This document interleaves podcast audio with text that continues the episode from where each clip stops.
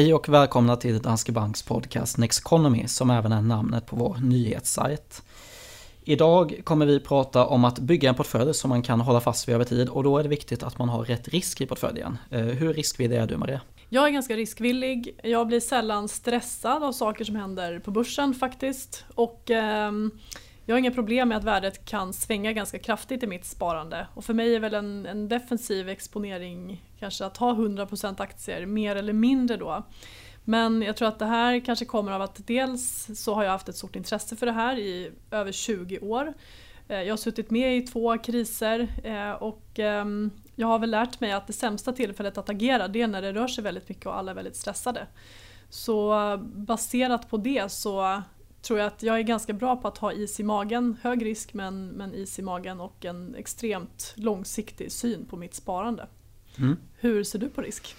Nej, men I takt med att min portfölj har blivit något större så har jag väl ändå börjat fundera mer på eh, det här med risk och eh, gått från att ha 100% aktier i portföljen till att inte ha 100% längre utan även ha andra tillgångsslag för att dra ner risken på det sättet.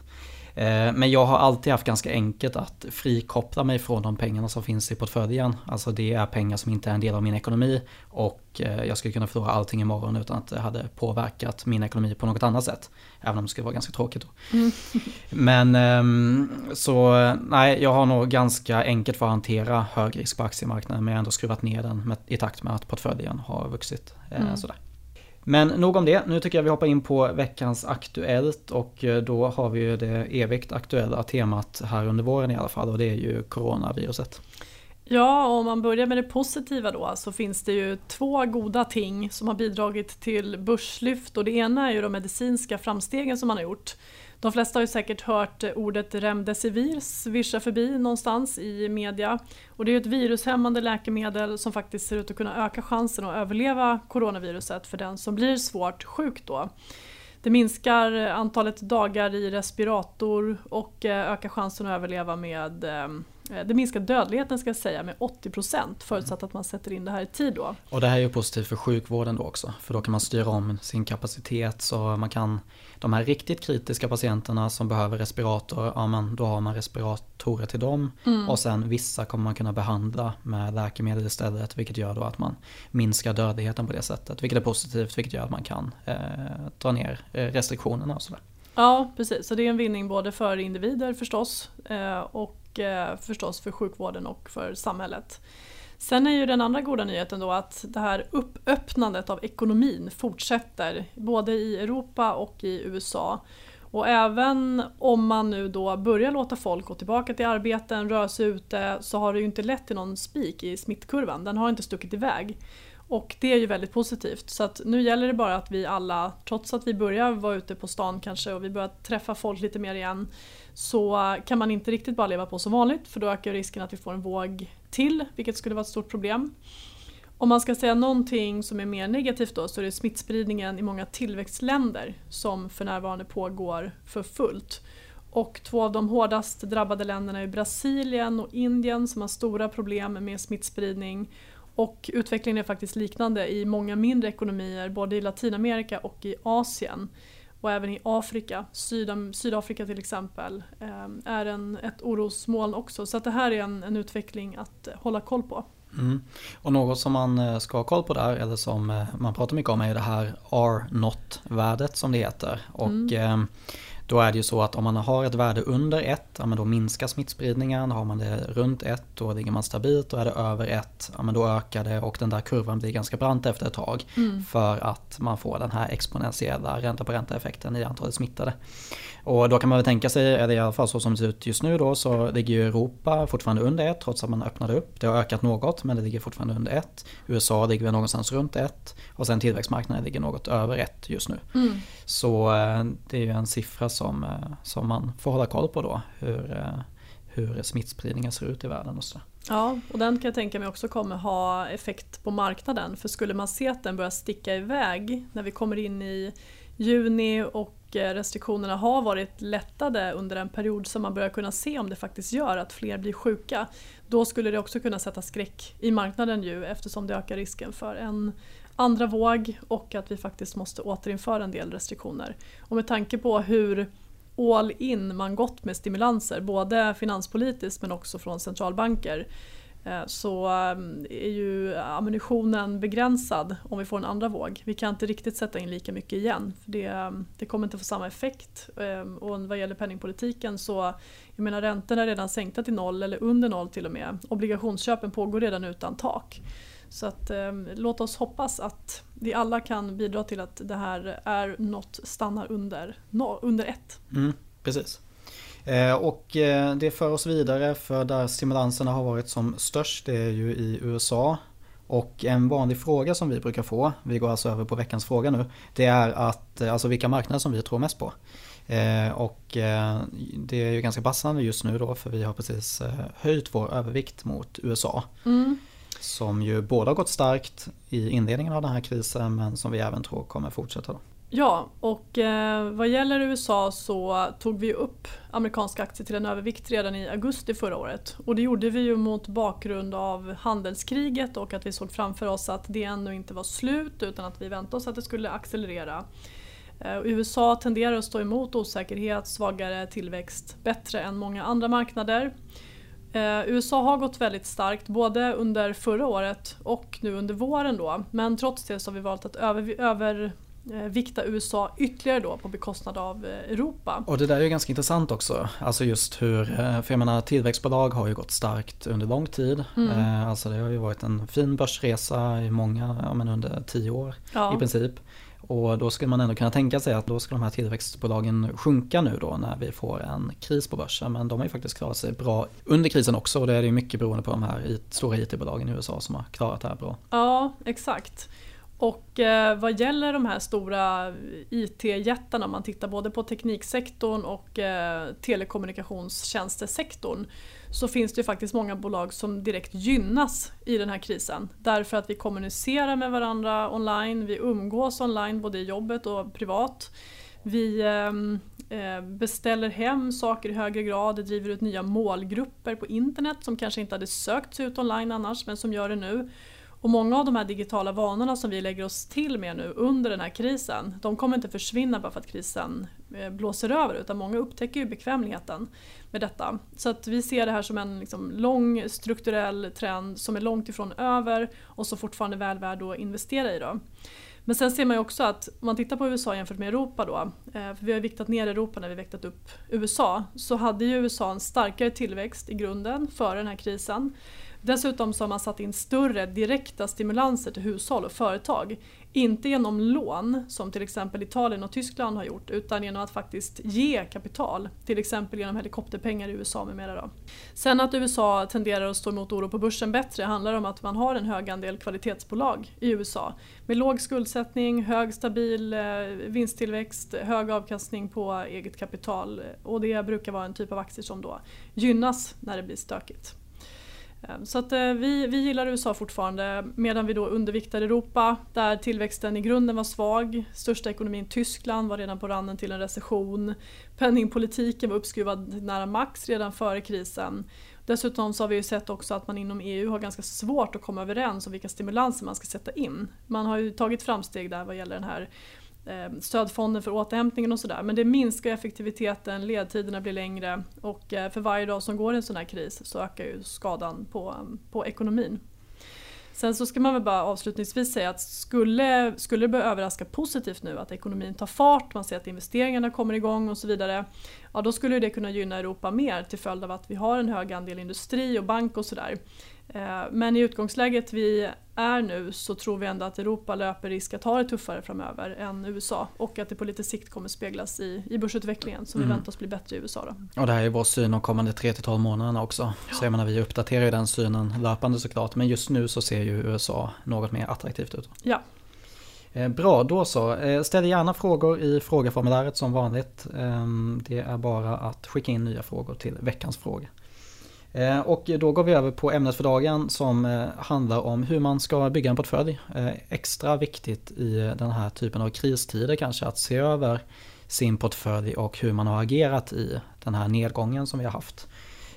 För nu har man ju verkligen fått testa portföljen. Man får testa hur man ser på det här med risk och så. Mm, och då har man kanske upptäckt att den risk man hade när börsen föll var för hög till exempel.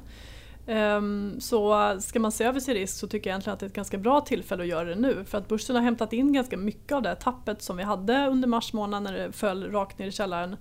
Och eh, man ska inte fundera över risken då utan man ska fundera över den nu.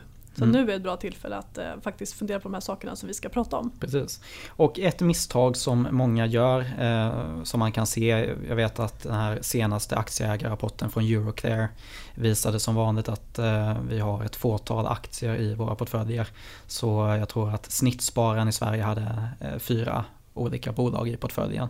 Och eh, fem, nästan 50 eller 44 procent hade bara en, ett bolag i portföljen. Mm. Och det är ju, alltså grunden till det här det är ju egentligen att man börjar från fel håll. Man börjar alltså direkt att kolla på den enskilda aktien. Men det som vi tycker man ska göra och som andra banker också tycker man ska göra det är att börja från det andra hållet. Så man börjar då med att kolla på ja, men vilken risk ska jag ha. Mm. Så man börjar med en riskprofil och sen så har man då en strategisk allokering utifrån den risken och sen då kollar man kanske på regioner och olika typer av obligationer. Och sen i slutändan då kollar man på det värdepappret eller den enskilda aktien.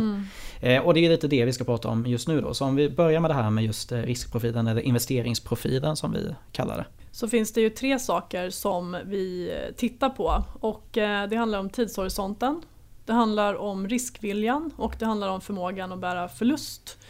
Och eh, vi börjar med tidshorisonten så kan man väl konstatera att det kanske egentligen är den allra viktigaste parametern. Och ju längre du sparar desto mer aktier kan du ha i din portfölj. Och man kan ju ha en, en ganska enkel tumregel om man vill försöka göra det här själv. Eh, och då kan man tänka sig att för varje år som man investerad på börsen så kan man ha 10% i aktier. Så att sparar du i två år och två år ska du ha pengarna ja men då skulle du kunna ha upp till 20% på börsen och så vidare. Och sparar du då i 10 år eller längre så kan man enligt den här tumregeln ha hela sparandet på börsen. Um, men det här ger ju inte hela bilden utan Nej. man måste också fundera över till exempel då sin riskvilja. Ja precis. Eh, men, och bara för att kommentera på tidsaspekten så är det ju alltså det kommer ju vara en risk om du behöver dina pengar i närtid om börsen helt plötsligt faller med 30%. Mm. Alltså, jag menar, det var ingen som förutspådde coronaviruset och sen helt plötsligt hade vi en börs som stod mycket lägre än vad den hade gjort i ingången av året och även en helt annan syn på vart ekonomin var på väg hos mm. Eh, så svårt att förutspå, därför är tidshorisont väldigt viktigt när man investerar på börsen.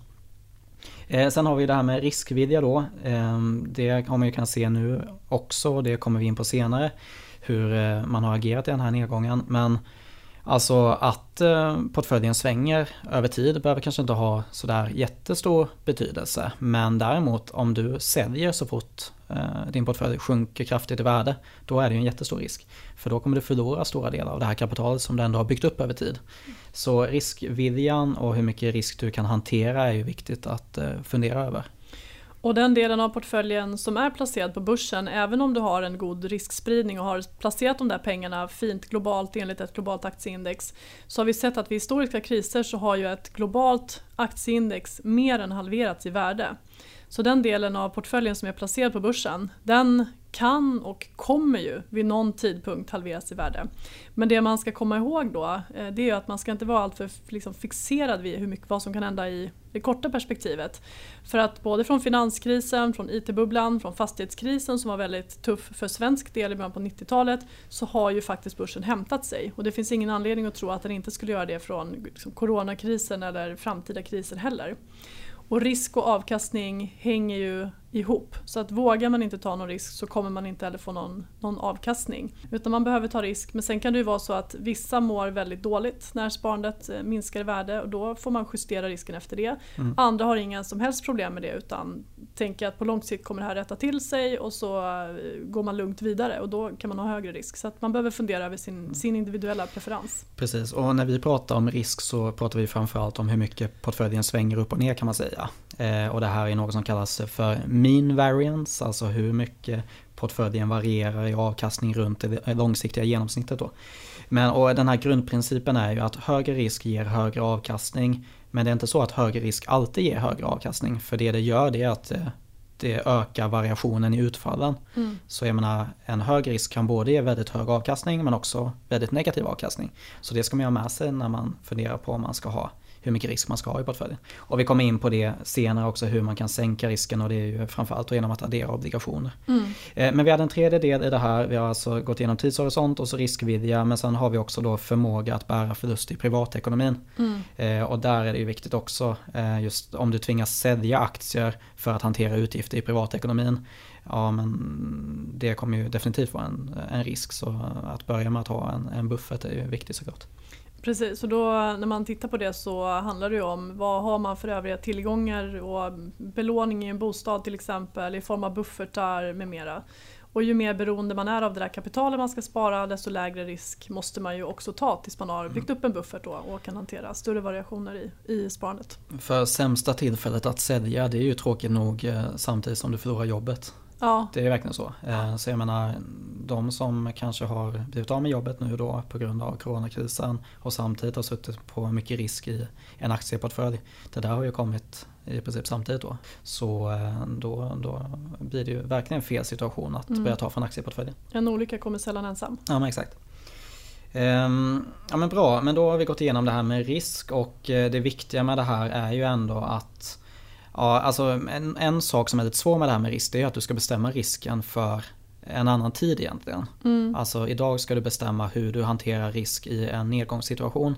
Eh, då. Och eh, jag menar för om man kollar på en börsgraf så historiska nedgångar då ser de ut som en möjlighet. Men, men när man är mitt i det då ser ju en nedgång ut som en jättestor risk om man sitter där och förlorar pengar. Ja. Så eh, det gäller verkligen att fundera och som du var inne på tidigare det här är ju ett jättebra tillfälle. Mm. För nu har man ju verkligen ett praktiskt exempel på ja men så här kände jag i den här nedgången. Ja. Och, och nu har dessutom börsen hämtat in mycket av tappet så man behöver inte känna att om man gör en förändring så gör man det på botten. Nej. Så man ska inte göra det med hjärtat i halsgropen Nej. eller när börsen rusar om man är, känner att man halkar efter utan man ska ja. göra det nu. Precis. Så jag menar nu är nog det enk- alltså egentligen det bästa sättet att se över sin riskprofil och fundera över vilken risk som man faktiskt kan hantera. För nu har man det så pass nära i tiden. För annars är det väldigt enkelt att man, att man glömmer bort det. Ja. Eh, bra, men det som det här utmynnar i den här investeringsprofilen då, det är ju någon typ av strategisk allokering. Och då är det ju alltså en allokering mellan aktier och eh, obligationer och ibland andra tillgångsslag. Men det är framförallt aktier och obligationer som vi jobbar med och de flesta banker jobbar med. Ja, och där brukar man ju ofta prata om en balanserad portfölj och då menar man en portfölj med 50% aktier och 50% obligationer. Och sen så gäller det att bygga upp eh, aktiesidan så att man får en bra diversifiering globalt mellan olika sektorer, olika regioner. Men även på obligationssidan så måste man titta på riskspridningen så att man inte bara slår till på en eh, eh, obligationsfond för hela slanten utan även där är det viktigt med riskspridning. Mm, precis. Ehm, och jag menar det, det har ju att göra med korrelationer också. Man vill inte att när en investering går åt ett håll så vill man inte att den andra investeringen i portföljen går åt exakt samma håll. För jag menar händer något i världsekonomin och eh, en del av portföljen kraschar ihop, då vill man gärna att man har en annan del av portföljen som klarar sig bra i det här scenariot. Och där har ju aktier och obligationer, i alla fall historiskt, fungerat väldigt bra på det sättet. Därför att i ett läge där konjunkturen har vikt och börsen har vänt ner då har ju också räntorna sjunkit. Därför att man väntar sig svagare tillväxt och man väntar räntesänkningar från centralbankerna. Och det som händer när räntorna sjunker det är att priset på en obligation stiger. Så att när min aktieportfölj minskat i värde så har istället obligationsportföljen stigit i värde och sen så har det där då dämpat svängningarna och gjort att vi haft en stötdämpare på räntesidan eh, för nedgångar i aktier. Då. Sen kan man ju konstatera att den stötdämpningen funkar ju inte på samma sätt nu när vi redan har räntor som är väldigt nära liksom den lägsta nivån vi någonsin sett. Och jag tror inte att någon väntar sig att räntorna kommer bli minus 3 eller minus 5 procent utan vi, vi är nog ganska nära den, den räntebotten som vi kommer se. Och det gör ju att potentialen i att obligationsportföljen ska öka mycket i värde, den har ju minskat så det kommer inte vara samma stötdämpning som tidigare. Men man måste ju ändå se det som en värdebevarare om inte annat. Så att i ett läge där börsen går ner så kan du få lite, lite tillväxt i eh, obligationsportföljen därför att räntorna sjunker men de sjunker ganska lite. Men värdet bevaras åtminstone. Du har en del av portföljen som faktiskt inte påverkas eller som påverkas något positivt. Precis. Och eh, Problemet här då för vissa, eller så som man kan se det, är ju att den här räntedelen då i en uppgång kommer ju göra att man inte får samma avkastning som om man hade haft 100% aktie. Men jag tycker att man kan se det som ett exempel, ja, men om man tänker börsuppgången då som en uppförsbacke. Ja men visst har du mera broms i då i form av räntesparandet, ja då kommer det inte gå lika snabbt uppför. Men sen när du kommer till den här branta nedförsbacken som vi ändå fick se här under våren, mm. ja men då vill du gärna ha den där bromsen eh, som ändå bromsar eh, nedgången. Så att man slipper den här kraftiga nedgången och kan hantera det bättre. Så eh, ja, alltså, känner man då att man inte hanterar den här nedgången perfekt nu, ja, men addera lite obligationer. Mm. Oavsett hur mycket obligationer du hade sedan tidigare. Om du inte hade några så addera lite.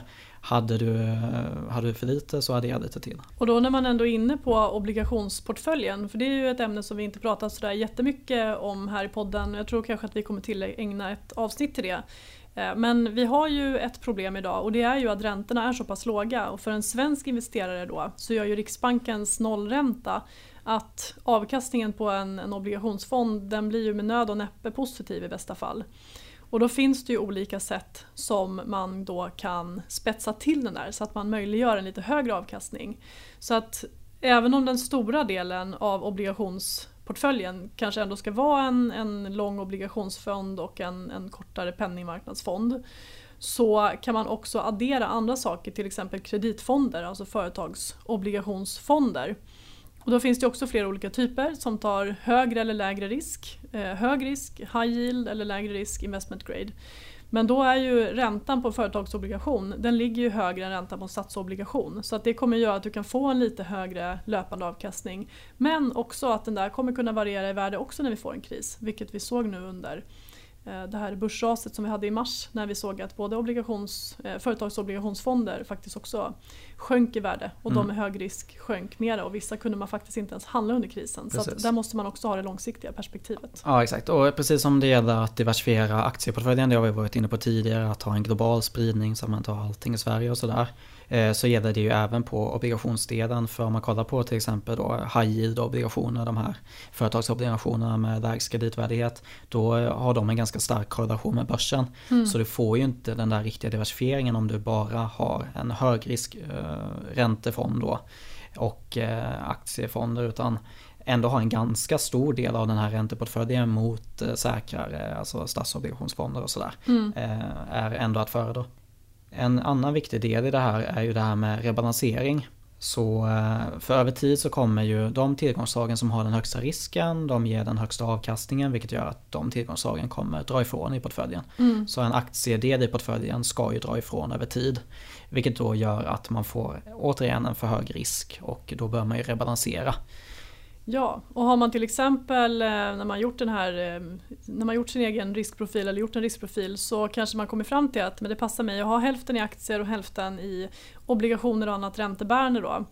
Och då kommer det precis som du säger, den här fördelningen kommer ju förändras över tid. För att har vi ett eller två bra börsår bakom oss så kommer ju aktier kunna vara 55 eller kanske 60 procent av portföljen medan obligationer då är 45 eller 40 procent. Och då har du ju inte längre den här risken som du kom fram till passade dig när du satte ihop portföljen. Och vad man gör när man rebalanserar då det är ju helt enkelt att man återställer balansen.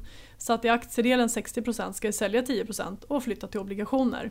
Och det kommer ju att göra också att i en börsuppgång så tar jag gradvis hem lite av den här vinsten som jag får på aktiesidan och flyttar över till obligationer. Och motsvarande då när börsen går ner så kommer jag flytta över pengar från obligationssidan, köpa lite mer aktier. Och då blir det så att säga rätt. För då kommer du sälja lite grann när det går upp, alltså du kommer sälja dyrare och du kommer köpa när det går ner, det vill säga köpa lite billigare. Mm. Så att det här hjälper också till att jämna ut svängningarna. Precis. Man skulle kunna se sin portfölj ungefär som en trädgård. Om det är så att ett träd växer sig för stort i den här trädgården, ja, men då måste man kapa lite av det och ge plats åt andra träd. Alternativt då att man skaffar sig en större trädgård. Vilket skulle innebära att man ökar på med kapital utifrån då. Mm. Men i alla fall så ska den finnas i balans eh, den här portföljen för annars så som sagt kommer man ha antingen för lite risk när börsen är på väg upp igen eller för mycket risk i nedgången. Och det här kan man ju antingen göra själv genom att rebalansera till exempel när eh, någon del har dragit iväg med 5% eller mer så kanske man återställer balansen. Eller att man tänker att man gör det en gång om året till exempel när PPM-pengarna kommer för då kanske jag ändå ser över sparandet brett och då kan man passa på att göra det här.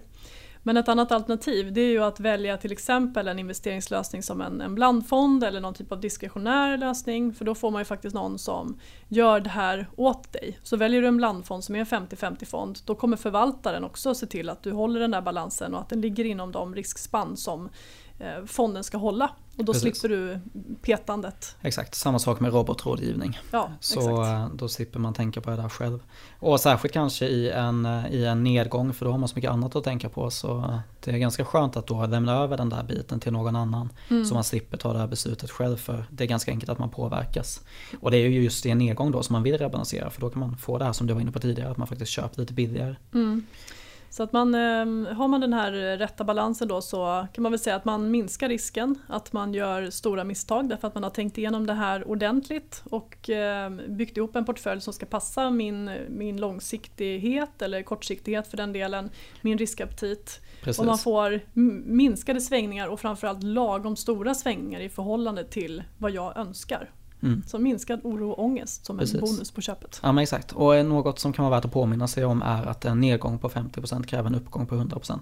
Så man en, får man en avkastning på 10% per år som är en bra avkastning då tar det sju år att ta tillbaka ett sånt stort tapp. Så jag menar man vill inte ta för mycket risk i portföljen och förlora en stor del av värdet. Så det vill man inte för det tar väldigt lång tid att komma tillbaka.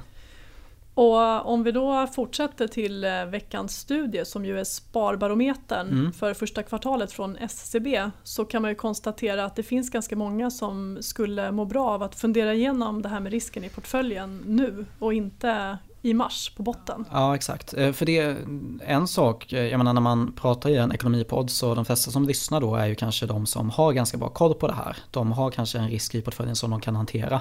Och sådär, även om det såklart kan vara värt att fundera över det också. Men det är väldigt tydligt när man kollar på den breda massan som SCB e har gjort här. Att eh, man gör ju inte som man ska, man säljer. Istället. Ja, precis. Och vi kan väl bara påminna oss kort om vad som hände under första kvartalet mm. innan vi går in i detalj på vad folk gjorde. Eh, I januari så drabbades ju Kina av coronaviruset och eh, då trodde vi i resten av världen kanske att vi skulle klara oss. Jag eh, var ute och reste i mitten på februari i början och mitten på februari och då var det en kö för alla passagerare utom kinesiska och så var det en kö, all Chinese passengers. De fick hålla sig åt sidan och de gick där med sina munskydd och vi andra stod och tittade på dem och trodde vi skulle klara oss. Mm. Och det var ju jättenaivt med facit i hand.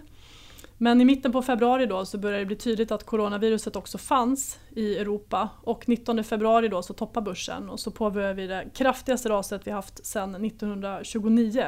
Ett globalt index föll nästan 35 procent från topp till botten inom loppet av fem veckor och under enskilda dagar så rasar börsen mer än 10 procent. Och det är klart att även en luttrad sparare kan ju bli stressad i ett sånt läge men är man inte en rutinerad sparare och kanske har satt igång ganska sent i den här uppgången som vi haft då kan det ju kännas betydligt värre. Precis. Och något eh, som eh, du är inne på där, eller som de visar i den här statistiken från eh, Sparbarometern, det var att under de senaste kvartalen här, för de gör alltså den här Sparbarometern varje kvartal, så har investerare i större utsträckning köpt aktier av fonden när börsen har stigit och sålt när börsen har sjunkit. Och jag tror att just det här med att vi har haft en så fin börsuppgång under många år, det är nog så att fler oerfarna investerare finns på börsen nu mm. än vad det kanske brukar vara. Vilket gör att man då kan se det här sambandet ännu med nu. Och sen så tror jag, det, det här är ju ett resultat av tre saker då. Att, eh, att man gör fel och köper när du är på väg upp och sen säljer på botten. Men dels handlar det tror jag om att många har kommit in sent kanske, att det har lockat nya liksom, målgrupper till börsen. Sen så har man då tagit för stor risk genom att man har inte gått in och köpt några räntefonder utan man har gått in och köpt aktiefonder eller ett fåtal enskilda aktier vilket ju kan bli liksom väldigt smärtsamt i en sån här börskris. Då. Sen handlar det ju då om just diversifieringen, alltså riskspridningen mellan olika tillgångslag och mellan olika marknader. Eh, och har man bara ett fåtal aktier i portföljen eller ett fåtal fonder och siktat in sig på någon viss bransch eller sådär så kan ju det eh, bli mer kännbart helt enkelt. Men sen så tror jag faktiskt också att idag är det, det är väldigt lätt att vara sin egen portföljförvaltare tack vare digitaliseringen. Vem som helst kan med ett bank-id gå in och öppna en depå, starta ett månadssparande eller sätta in en engångssumma. Så att så rent administrativt så är det väldigt lätt. Det är lätt också att trycka köp och sälj eh, och det är precis det många gör. Antingen när man drabbas av FOMO för att börsen går väldigt bra eller att man då får panik när börsen går ner och så går man in och säljer. Så att det är lätt, men det svåra och som inte har blivit lättare med digitaliseringen egentligen det är ju just att bygga ihop den här portföljen som också klarar att börsen rör sig på det här sättet och att göra en liksom, riskprofil på sig själv så att man får rätt risk i sparandet. Um, så att den här digitaliseringen är, den, det är klart att den är av godo att det gör att fler kanske också börjar spara för att det är mer lättillgängligt när du inte måste gå till banken. Men det ökar också risken tror jag för att man faktiskt gör misstag i lägen när börsen rusar eller när den rasar. Mm. Sen har vi i och för sig alternativ där också. Vi var inne på robotrådgivning tidigare. Det är ju ändå en positiv bieffekt av digitaliseringen. För då får du ju hjälp att bygga upp den där portföljen. Ja, Men... och, och sparandet har ju också ökat i blandfonder till ja. exempel. Vilket också ju är positivt ur den mm, bemärkelsen. Mm, för de har ju valt en fond som har en förhoppningsvis rätt risk då. Exakt. Men eh, och sen om man kollar mer på den här studien, alltså eh, andra orsaker till det här det är ju då mera psykologiska aspekter. Och jag menar flockbeteende blir ju väldigt tydligt. De visar till och med en graf där som visar just det här fenomenet att man har köpt mer när börsen har gått bra och man har sålt mer när börsen har gått dåligt. Mm. Och det är ju så vi gärna gör, vi, vi följer flocken helt enkelt. Och eh, som vi var inne på tidigare, det är nog många som har kommit in och börjat köpa nu efter den här starka börsuppgången. Ofta så kan man ju tänka sig att en stark utveckling hittills, man tar det som ett betyg på att nu är det ett bra, eh, ja, bra tillfälle att gå in på börsen.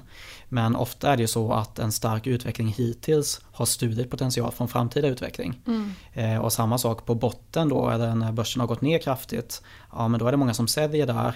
Men jag menar allt annat lika så har ju faktiskt priserna blivit eh, billigare. Mm. Så du köper ju dina framtida vinster i bolagen billigare än vad du gjorde före nedgången. Ja. Om nu vinsterna kommer tillbaka till någon typ av normalnivå. Men över tid så brukar de ju göra det. Och det där kanske kan vara en, en ytterligare anledning att verkligen fundera över risken. För att har du rätt risk i portföljen så att du kan luta dig tillbaka, ta ett djupt andetag och sitta igenom den där börsnedgången.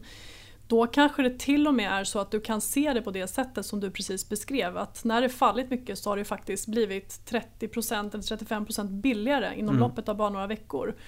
Och eh, om ditt sparande hade rätt risk så att du kan låta det ligga där, eh, du kan avvakta, fortsätta månadsspara, då kanske du till och med vågar dig på att göra en extra insättning och köpa lite mer i det där läget istället Exakt. för att panikhandla eh, åt andra hållet. Precis, och så har du då den här räntedelen av portföljen. Ja men dels så kan du rebalansera som du ska göra om aktiedelen har gått ner mycket. Men också att du kanske i ett sånt läge då kan ta lite räntor och köpa lite aktier för det. Mm. För då har du lite torrt krut i räntedelen av portföljen. Så det finns, en del för, det finns ju ändå en fördel med att ha lite räntor. Både för att det stabiliserar och också den där grejen just att för ofta så ser man, man ser börsindex. Det är det som man ser på tv och det är det som man ser på Dagens Industri och så här. Så det är ofta ganska enkelt att man mäter sig med det. Så om man då eh, alltså har lite räntor i portföljen i en nedgång då, då kommer man ändå se att ens egen portfölj har gått lite bättre än börsindex. För räntorna har dämpat fallet. Mm. Vilket då ändå också gör att man kan känna sig lite mer trygg med att ja, men, det här är inte så dåligt som det är för alla andra. Det är ju återigen då flockbeteendet som är väldigt tydligt bland människor. Det som eh, kanske egentligen är tuffare då det är ju i långa perioder när börsen stiger för att den tenderar att stiga mycket längre cykler än vad den faller. Och I de längre cyklerna så kommer man titta på det där börsindexet och så kommer man se att portföljen de flesta dagar kanske utvecklas lite svagare än vad index gör på grund av att man har en räntedel.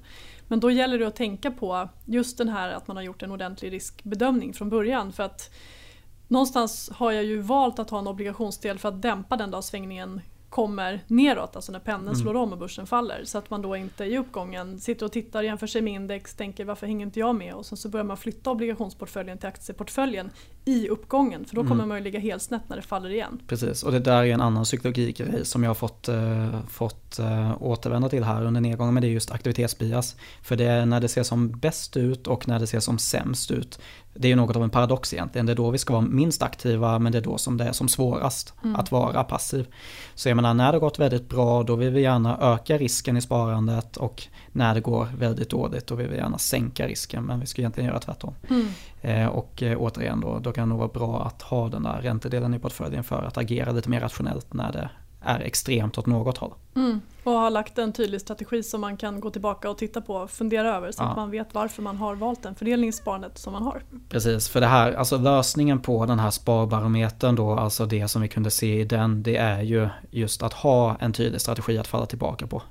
Eh, det, det är ju det som, om det då handlar om att man har eh, månadsvis eh, automatiskt månadssparande, man har eh, automatisk rebalansering eller att man har någon typ av checklista. Men i alla fall att man har någonting att falla tillbaka på.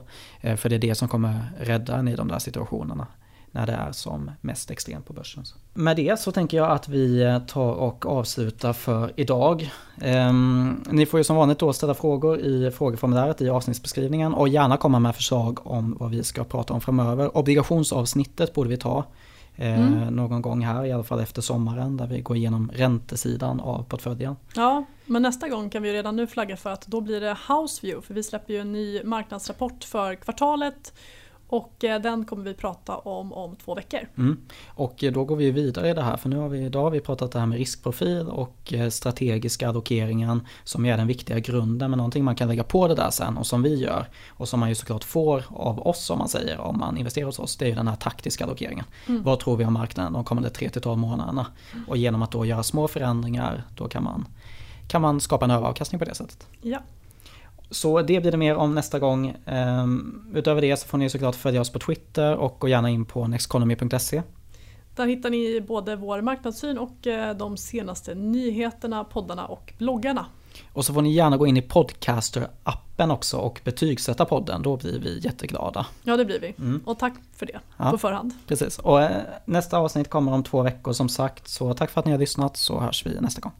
Tack och ha en fin vecka. Tack och hej.